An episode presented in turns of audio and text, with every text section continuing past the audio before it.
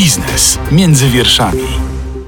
Agnieszka Zaręba, witam Państwa i zapraszam na rozmowę o wakacjach kredytowych, inflacji, stopach procentowych, cenach paliw, Polskim Ładzie 2.0 i o tym, czy sankcje nakładane na Rosję działają, skoro agresor tylko w ciągu pierwszych 100 dni wojny zarobił 93 miliardy euro na sprzedaży surowców energetycznych. Dzisiaj gościem w studiu Radio ZPL i w podcaście Biznes między wierszami jest Cezary Kazimierczak, prezes Związku Przedsiębiorców i Pracodawców. Dzień dobry. Skoro lato zapasem, to zacznijmy od tematu teoretycznie lekkiego i miłego, no bo kto nie chciałby dostać wakacji od kredytu? Czy pan by z nich skorzystał? Ja bym y, nie skorzystał, natomiast to nie ma większego znaczenia jakby, jeżeli chodzi makroekonomicznie i dla innych, y, również dla tych, którzy z tego y, nie skorzystają. Po prostu na rynek w związku z wakacjami kredytowymi wypłynie od kilkunastu do 35 miliardów złotych. Te pieniądze nie pójdą w oszczędności, tylko pójdą w konsumpcję, co będzie dalej napędzało inflację i może się to skończyć jeszcze wyższymi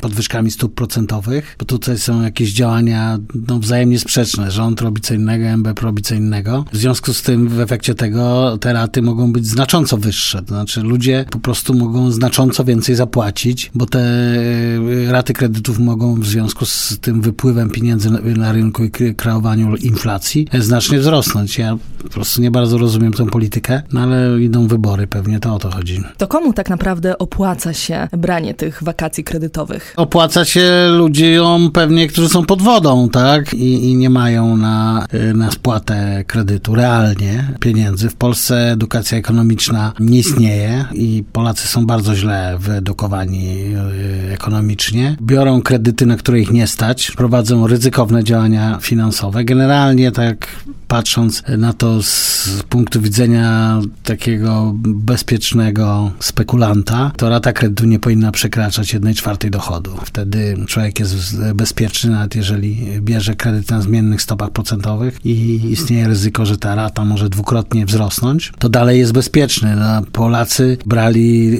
te pieniądze bez opamiętania. Inna rzecz też, że w Polsce była prowadzona polityka taniego pieniądza, darmowego pieniądza tak naprawdę. Pieniądz nic nie kosztował. Przez lata lata było to utrzymywane. Rząd to kochał, bo to napędzało konsumpcję, a konsumpcja to jest VAT, a VAT to są wpływy do budżetu w Polsce, główne źródło wpływów do budżetu. Polacy w większości uwierzyli w to, że pieniądz albo nic nie kosztuje, albo jest bardzo tani. Zawsze tak jest, że w którymś momencie, y, gdy wszyscy już są przekonani, że to w ogóle zawsze tak będzie, to jest matematyka i niestety dzieją się wtedy rzeczy nieprzyjemne i w tej chwili mamy do czynienia właśnie z takimi nieprzyjemnymi e, rzeczami. E, natomiast, e, no oczywiście jak to w Polsce, nie ma żadnej refleksji nad e, tym, że się popełniło samemu jakieś błędy, tylko boli dupa boli i po prostu niech rząd da. A jeżeli chodzi o te twarde liczby, to przytoczę, że aż 66% badanych Polaków uważa, że państwo powinno wprowadzić kryterium dochodowe w ustawie o wakacjach kredytowych, aby pomocy udzielić wyłącznie osobom w trudnej sytuacji. 57% respondentów obawia się, że wakacje kredytowe zwiększą inflację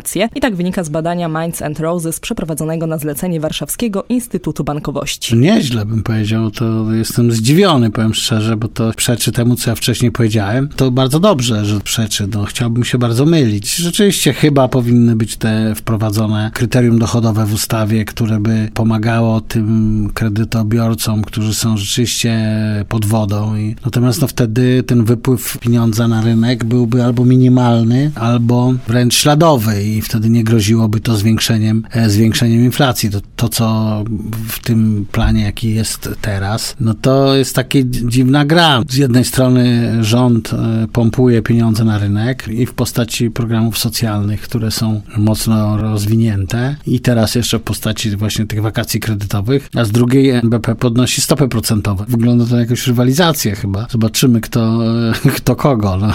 Wie pan, może to jest jednak wsparcie dla tych najbiedniejszych Polaków, no bo premier Mateusz Morawiecki poinformował, że rząd wyciąga rękę do obywateli i chce w tym trudnym czasie wesprzeć kredytobiorców. To wszystko może się skończyć tym, że wypłynie na rynek 30 miliardów dodatkowej gotówki, która nie pójdzie w oszczędności, a pójdzie w konsumpcję i spowoduje, że NB będzie musiał o jeden punkt procentowy ekstra podnieść e, stopy, no i wtedy ci ludzie nie tylko nic nie zyskają, ale dużo więcej zapłacą niż, e, niż by płacili do tej pory, więc e, ryzyko tego typu działań jest olbrzymie. No przypadku inflacji, e, no wiadomo, jakby, no, co mniej więcej trzeba zrobić. No i tutaj y, nie ma co się rozwodzić w jakieś tam szczegóły. Trzeba ściągnąć jak najwięcej gotówki z rynku, czy przez wypuszczenie obligacji też, jakichś bonów skarbowych i tak dalej, i tak dalej. No wszelkimi sposobami trzeba ściągać gotówkę z rynku i ograniczać konsumpcję. Rząd tego nie lubi z dwóch powodów. E, Pierwsze to są powody polityczne, e, programy socjalne i tak dalej, i tak dalej. Drugi powód to jest to, że się wzbogaciliśmy ostatnio bardzo przez ostatnią dekadę i się wszyscy z tym bardzo dobrze czują i y, nikt się nie chce z tym rozstać, niezależnie od konsekwencji, które mogą być za 2-3 lata z tego tytułu i bal trwa. I, i trzecie, no, że rząd kocha VAT, y, więc og- ograniczanie konsumpcji y, jest związane z ograniczaniem wpływów do budżetu poprzez niższe wpływy VAT-owskie. Natomiast ja uważam, że jeżeli nie wprowadzimy jakiegoś twardego resetu gospodarczego, to grozi to za przepaszczeniem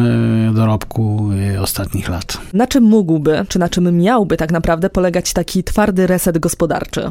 E, radykalnym ściągnięciem gotówki z rynku poprzez zatrzymanie niektórych programów socjalnych, e, podniesienie podatków, jak również nieprowadzenie takich programów e, jak wakacje kredytowe, które zasilają gotówką rynek. Być może rzeczywiście trzeba by było jakiś wprowadzić program dla jakichś ludzi rzeczywiście, którzy się znaleźli pod wodą. Pewnie tak jakieś wakacje czy coś w tym rodzaju dla tego typu ludzi być może powinny być, no ale to powinna być jakaś bardzo mała grupa osób, takich rzeczywiście, którym grozi wejście, wejście komornika, no bo wtedy jest szansa, że oni by tych pieniędzy nie wydali w restauracjach, czy kupując sobie wakacje, czy różne innego rodzaju rzeczy. W tej chwili, jeżeli gdyby taki reset został przeprowadzony, no to będzie, będzie trochę bolało, ale trochę. Natomiast później to już nie będzie trochę. A co z programami socjalnymi? Gdybym ja był królem Polski, to bym je mocno ograniczył, po czym bym stracił królestwo.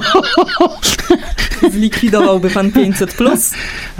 Na pierwsze dziecko zdecydowanie, na drugie nie. My zresztą od początku jako związek popieraliśmy ten program na drugie dziecko. Nie spełniło to tych oczekiwań demograficznych, ten program, ale zlikwidował nędzę wśród dzieci i to warto było dlatego to zrobić. Jeśli chodzi o demografię, no to niestety no, nie widzę innego sposobu niż wyłączanie światła za dwa razy w tygodniu wieczorem. A dlaczego na pierwsze dziecko y, ten program 500 plus nie powinien być przyznawany pana zdaniem? Bo z z pierwszym dzieckiem, jeżeli chodzi o, o demografię, nie ma żadnych problemów. Polki godzą się rodzić pierwsze dziecko. Problem w Polsce jest, yy, że Polki nie chcą drugiego dziecka mieć i to jest kłopot. To się nie sprawdziło w tym sensie, że to nie spowodowało, że te 500 zł nie przekonało yy, naszych dziewczyn, żeby chciały mieć to drugie dziecko, ale zlikwidowało nędzę wśród dzieci i to już jest wartość, która, yy, która jest wystarczająca. Tam u mnie na wsi nad Bugiem robiliśmy co roku takie zbiórki dla biednych dzieci, e, żywności, tam różnych innych rzeczy. Ja wiem, jak ta nędza wygląda i wiem, że po 500 plus ta nędza przestała istnieć, taka skrajna, takie skrajne ubóstwo wśród, wśród dzieci. W związku z tym to mnie jeszcze bardziej utwierdziło w tym, że warto, że ten program popieraliśmy, choć jak mówię, popieraliśmy go z innych powodów, niż rzeczywiście on, e, jakie on skutki przyniósł, bo on skutki przyniósł inne niż dla których ja go popierałem. Ale wróćmy jeszcze na moment do wakacji kredytowych. Co podpowiedziałby pan przeciętnemu Kowalskiemu, który zastanawia się, czy skorzystać z wakacji kredytowych? Część ekonomistów mówi, że są to realne wakacje od konieczności spłacania rat przez pewien wskazany okres. No tak, no ale te pieniądze będzie musiał oddać, tak? E, wcześniej czy później. Także tutaj, no to już. e, Może wolałby później jednak. To już są indywidualne decyzje makroekonomiczne, one nie mają żadnego znaczenia, dlatego że większość ludzi to weźmie i ta gotówka popłynie na rynek i może się to skończyć znacznie wyższymi ratami kredytowymi niż gdyby wakacji kredytowych nie było.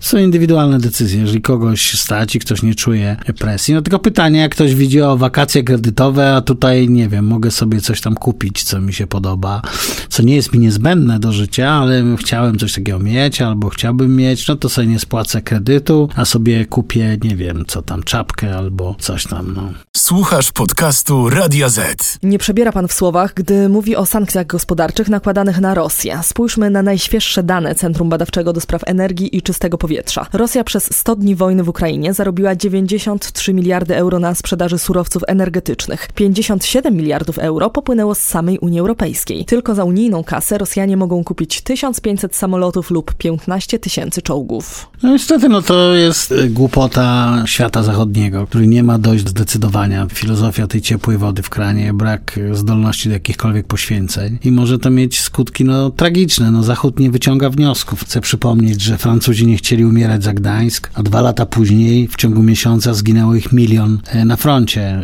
więc e, mam nadzieję, że tym razem się to w ten sam sposób nie skończy. Rosja na szczęście nie posiada żadnych innych źródeł dochodów niż węglowodory i ta gospodarka zaczyna być no, coraz bardziej, coraz większa demolka tam się odbywa. Same węglowodory powodują w ogóle, że to istnieje, bo inaczej to by przecież nie istniało, tak? Natomiast no, te dane dotyczące, które które tam są bardzo ukrywane, ale które dotyczyły VAT-u, czyli tego spadku o dwie trzecie tak naprawdę przychodów z VAT-u, to oznacza, że to gospodarka tonie, konsumpcja tonie, produkcja e, tonie, więc e, sankcje w jakiś tam sposób działają, natomiast no, gdyby Zachód się zdecydowanie postawił, to wojny nie byłoby od paru tygodni. Surowce to jedno, ale spójrzmy szerzej na kwestie sankcji nakładanych na Rosję. Wiele firm, instytucji, państw i prywatnych podmiotów postawiło stanowczy znak stop i wiele biznesów zostało wycofanych z tamtego regionu. To jest y, istotne i, i, to ma wpływ i też ma wpływ na społeczeństwo rosyjskie, tak, które jest w tej chwili otumanione i, i zaślepione, ale, ale widzi jednak y, postępującą izolację kraju i pozbawienie ich y, no, takich większości tam zdobyczy, które są w takim zasięgu globalnym, tak, no, za chwilę telefonów nie będzie normalnych ani, ani niczego, tak. Natomiast no, kluczowy podstawowym e, źródłem przychodów Rosji są węglowodory. No i, i, i tutaj uderzyliśmy w, w, wiele, bardzo wiele miejsc i wiele miejsc czułych, natomiast nie uderzyliśmy w najczulszy, czyli węglowodory. Pytanie, jak to dalej będzie się jak to dalej będzie się rozwijało i jak dalej będzie to uniezależnianie się od, y, od Rosji postępowało. O ile jeszcze miesiąc temu to byłem optymistą, bo też wyglądało na to, że Niemcy też zaczynają zmieniać swoją politykę w tym zakresie, to, to teraz trochę jakby w związku z postępowaniem kanclerza Scholza w sprawie broni, no to zaczynam być trochę pesymistą. E, natomiast y, oni też nie chcą się pogodzić z tym, że niemiecki sen o zarządzaniu Europą poprzez tanie surowce z Rosji się skończył. I on prawdopodobnie jest w tej chwili już nie do, nie do odtworzenia, bo nawet gdyby Rosja posiada, no to będzie posiadać, nawet gdyby uruchomili z powrotem ten Nord Stream 2 i tak dalej, i tak dalej, no to nasz region, e, ten centralnej e, i wschodniej Europy się uniezależnia i to w stopniu dość szybkim e, od tej rosyjskiej ropy. Skandynawowie również, Francuzi mają gospodarkę opartą na energii jądrowej. W energię jądrową zaczynają wchodzić Benelux też, przecież tam zaczynają się budować, więc być może nie byłoby kim zarządzać przez te tanie surowce już. Także Niemcy nie są w stanie intelektualnie i emocjonalnie pogodzić się no, ze zmianą 30 30-letniej polityki. No trzeba też otwarcie i uczciwie powiedzieć, że to nie jest łatwo, tak? Nagle coś, ktoś 30 lat e, palił papierosy i mówią, że ma nie palić. Ale mało kto też się spodziewał tak dużych zmian w sytuacji geopolitycznej na świecie. No tak, tak. Mało kto e, spodziewał się, że e, Putin podejmie tego typu wojnę, która, no, znaczy ja nie wierzyłem w pełną skalową, bo pełną skalową e, inwazję. Przegrałem w związku z tym wino i zostałem tutaj przez Putina finansowo y, po kieszeni uderzony. Myślałem, że się takiego szaleństwa nie podejmie, y, co okazało się jeszcze większym szaleństwem, jak się to zaczęło. Te ambicje Rosji z lutego, czyli przecięcie Ukrainy na pół w okolicach Kijowa, no, skończyły się próbą zamknięcia worka y, w Świerdodoniecku, tak, Donbaskiego. No, to zostało bardzo mocno zredukowane, tak, więc jest to szaleństwo. Nikt się tego szaleństwa zbytnio nie nie spodziewał. Mam nadzieję, że jakoś Ukrainie z pomocą Zachodu się może uda, chociaż wszystkie scenariusze są, leżą na stole i wszystkie są otwarte. Otwarta jest e, także kwestia stóp procentowych w Polsce. Ekonomiści twierdzą, że dalsze podwyżki są przed nami, bo cały czas stopa popytowa gospodarki jest mocna. Co musiałoby się stać, aby RPP ogłosiła pierwszą obniżkę? Musiałby rząd przestać chyba sypać pieniądze e, na rynek. No ja nie rozumiem zbytnio tej polityki. Zresztą. W wywiadzie, który Jarosław Kaczyński udzielił, no to on też mówi, że to jest taki dualizm, e, czyli to rozumieją te, w rządzie, że to są działania, no, które są wzajemnie sprzeczne. Ja jeszcze raz powtórzę, no, reset gospodarczy i ściągnięcie gotówki z rynku to jest to, że dzisiaj e, byłaby to e, grypa, tak? Natomiast jeżeli się tego nie zrobi i dalej sytuacja będzie się rozwijała w tym, to może nie być zwykła grypa, tylko jakaś, nie wiem, małpia na przykład grypa, no. I możemy to bardzo ciężko odchorować. W skrajnym przypadku zaprzepaszczenie dorobku ostatniego, ostatniej dekady. Nawiążę jeszcze w takim razie do tego, co powiedział prezes NBP, bo Adam Glapiński zapowiedział, że zbliża się koniec cyklu podwyżek stóp procentowych i rozbudził tym nadzieję kredytobiorców. Tłumaczył, że podwyżki stóp procentowych są konieczne, by w dłuższym horyzoncie czasu obniżyć inflację. Zastrzegł jednak, że zbliża się koniec cyklu podwyżek stóp, bo w lecie inflacja powinna osiągnąć szczyt i później będzie się stabilizować. Jak pan odczytuje tę prognozę? Prognozowanie jest niezwykle trudne, gdyż dotyczy przyszłości, jak mówił Woody Allen. Y, ja nie wiem, co będzie. Trudno mi powiedzieć, czy rzeczywiście to jest szczyt, czy jeszcze to dalej będzie miało miejsce. Ale gdy mówi prezes NBP, no to może wie. No może wie, no nie na jakie podstawie on to mówi, no bo gotówka dalej płynie na rynek, więc może ma jakieś wiadomości, którymi nie chce się podzielić, no bo gdyby mm, te pieniądze były ściągane y, z rynku, i gdyby nie, nie, nie podstawiano tej takiej dużej podaży tego, tego pieniądza, no to rzeczywiście być może by były jakieś podstawy e, do tego dla takiego osoby, która nie ma dostępu do jakiejś, nie wiem, tajnej, przezpoufnej informacji, tak jak ja. Prezes pewnie ma, więc być może wie, co mówi. Daj Boże, zresztą, żeby tak było, no, żeby to był koniec cyklu, żeby inflacja spadła. Natomiast e, wszyscy, którzy liczą, że wrócimy do ery darmowego pieniądza, no to powinni o tym zapomnieć, bo nie wrócimy. Jeżeli chodzi o sam temat walki z inflacją, to premier Mateusz Morawiecki powiedział kilka dni temu: Staramy się walczyć z inflacją w sposób bezpośredni, między innymi przez umocnienie złotówki. Euro było już po 4,70, 4,80, zmierzało w kierunku 5 zł, ale odwróciliśmy ten trend. Dbałość o złotówkę to dbałość o to, aby inflacja była coraz niższa, aby zobaczyć trend malejącej inflacji. Złotówka jest słaba, tak? E, to też ma wpływ na, na ceny paliw i na różne inne rzeczy, również na inflację. Rzeczywiście ona y, tam w pewnym momencie dostała się w jakieś tam łapy spekulantów, bo wszystkie takie małe waluty, no to jest zawsze ryzyko, że wpadną, że tak powiem, w szpony międzynarodowej finansjery, która sobie zechce zaspekulować y, nim, no i sobie zaspekulowali. Ja akurat no, do, do walut to mam duże szczęście, bo przez jakiś przypadek raczej, ale co kilka lat bardzo dużo pieniędzy zarabiam. może pan się podzieli swoim złotym sposobem, jak tak regularnie y, generować i zaliczać wzrosty. Lat. No nie, nie, nie obserwować na pewno.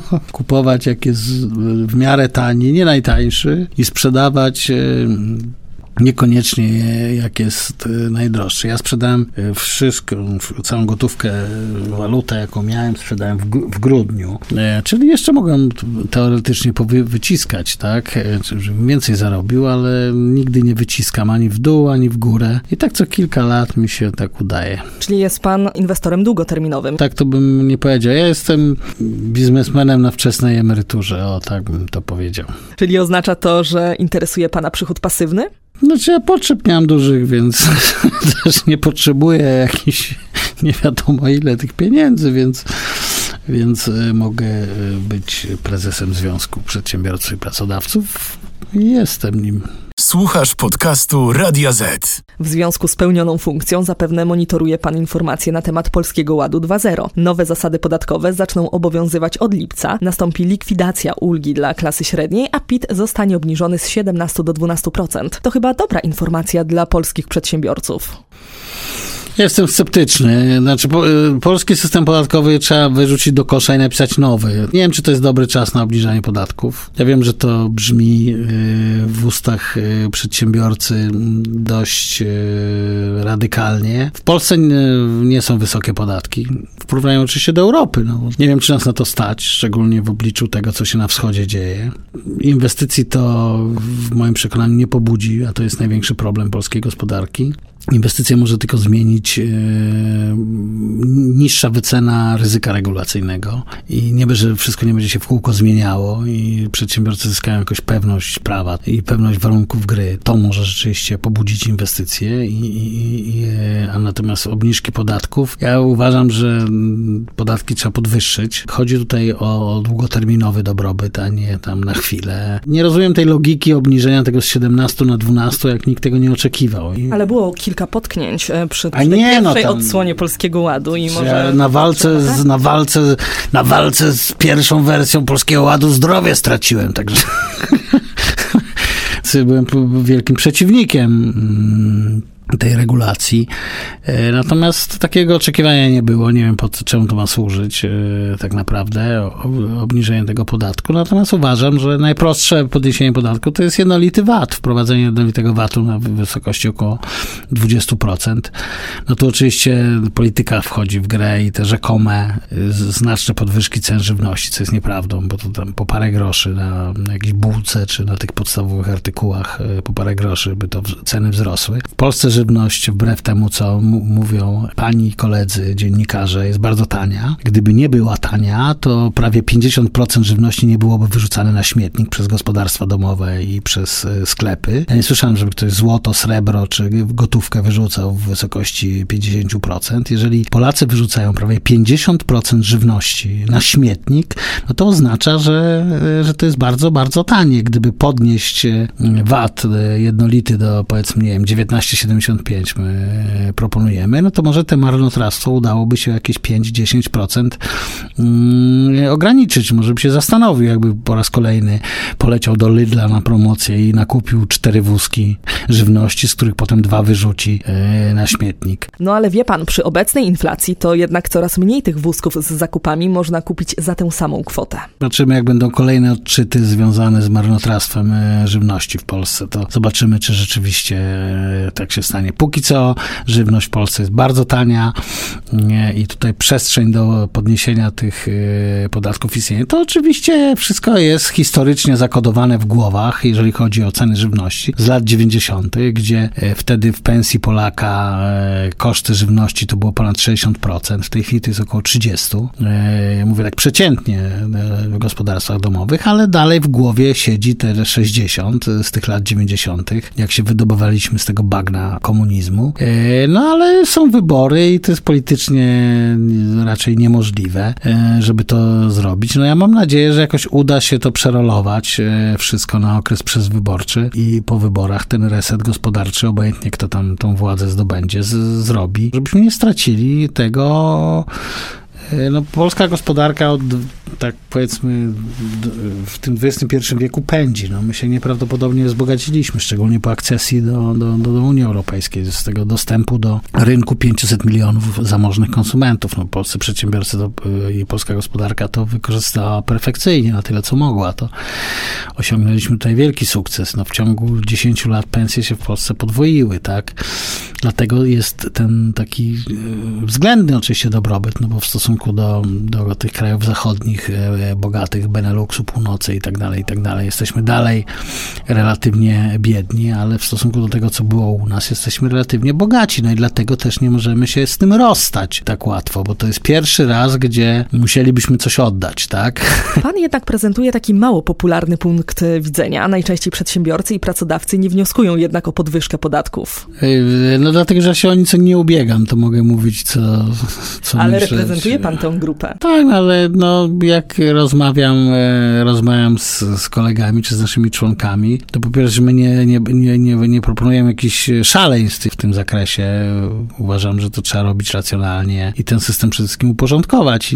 Ja nie spotykam się od lat e, z jakimiś naciskami ze strony członków, żeby tam e, iść tam, idź tam Kaźmierczak i powiedz im tam, żeby obniżyli podatki, tylko słyszę idź Kaźmierczak i powiedz im, żeby uprościli podatki, to to słyszę. E, I to jest oczekiwanie biznesu dzisiaj, a nie z, z obniżanie podatku z 17 do 12%. Myślę, że sporo małych i mikroprzedsiębiorców będzie zadowolonych z obniżki podatków. Każdy jest zadowolony z obniżki podatków. No to ja przecież to ja rozumiem i ja i akceptuję. No to trzeba mieć tutaj trochę szersze spojrzenie na to wszystko, patrzeć szerzej i patrzeć na wszystkie e, interesy, jakie tutaj są. A interesem naszym, takim narodowym, e, jest to, żeby ten wzrost utrzymać e, i żeby to wszystko było bezpieczne. Natomiast no, niektóre te działania, które są prowadzone w tej chwili, mogą doprowadzić do tego, że niestety ten dorobek ostatniego dziesięciolecia, bardzo imponujący, zostanie zaprzepaszczony. Ja mam nadzieję, że uda się to jakoś przerolować i dowieść do tych wyborów, a i po wyborach jakiś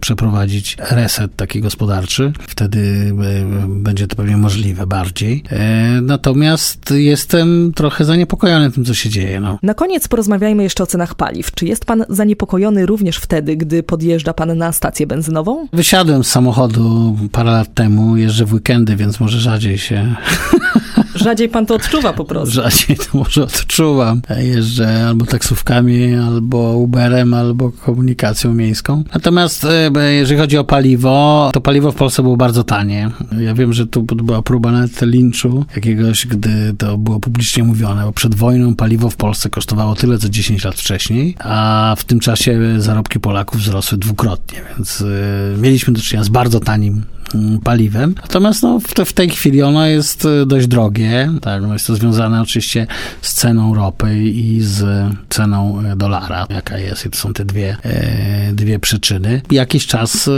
tak będzie. No, cena ropy f, e, faluje i tak samo dolar faluje. Myślę, że ona spadnie, ale już do takiego poziomu jak przed wojną to nie spadnie. Słuchasz podcastu Radia Z. Rząd przegłosował ustawę, w której m.in. zakłada przedłużenie terminu obowiązywania aktualnej, niższej od standardowej stawki podatku VAT na paliwa. Pierwotnie miała ona powrócić do poprzedniego poziomu z końcem lipca. No właśnie, no, od początku byłem przeciwny obniżaniu tej stawki VAT-owskiej i wiedziałem, że to się dokładnie tak to skończy. Ale niższa stawka VAT na paliwa należy do tak zwanego pakietu antyinflacyjnego 2.0. No i ma on przede wszystkim zahamować rosnącą inflację, więc także wzrost cen poprzez stymulację popytu. Zobaczymy, kto będzie finansował pakiet e, istnienia państwa polskiego. oczywiście podatnicy, no tylko e, trudno, trudno e, robić tego typu rzeczy, że tu, tu nie będziemy pobierać akcyzy od tego, tu nie będziemy od tego, tu obniżymy to, tamto e, po kolei. No mam nadzieję, do VAT-u to oni nie obniżą, to tam nie ma cudów, bo to oni kochają VAT, są zakochani. To jest taka pierwsza, naj, najsilniejsza miłość, jaka występuje. No to, to całe szczęście, że tutaj, jak uważałem to za wadę jakąś jeszcze ze dwa lata temu, to zakochanie w VAT-ie, bo to uniemożliwiało jakiekolwiek reformy podatkowe, to w tej chwili zaczynam to postrzegać jako zaletę, tą, tą miłość rządową. To może podpowie pan polskiemu rządowi, co zrobić, aby poprawić sytuację w polskiej gospodarce? Reset gospodarczy, ale zdaję sobie sprawę, jestem realistą, że jest on w tej chwili niemożliwy, więc bezpieczne przerolowanie tych wszystkich finansów do czasu wyborów. Czyli realista Cezary Kazimierczak był gościem w podcaście Biznes między wierszami. Wcześniej myślałam, że optymista, gdy pan tak mówił, że ceny paliw w Polsce są niskie, podatki należy podnieść, a 500 plus na pierwsze dziecko zlikwidować. Dziękuję za dzisiejszą rozmowę. Dziękuję. A państwa zapraszam na stronę player radio.z.pl, gdzie znajduje się więcej odcinków z cyklu Biznes między wierszami. Przypomnę też, że codziennie o godzinie 10.15 usłyszycie na antenie Radia Z najświeższe informacje ekonomiczne. Agnieszka Zaręba, do usłyszenia. Biznes między wierszami. Więcej podcastów na player radioz.pl.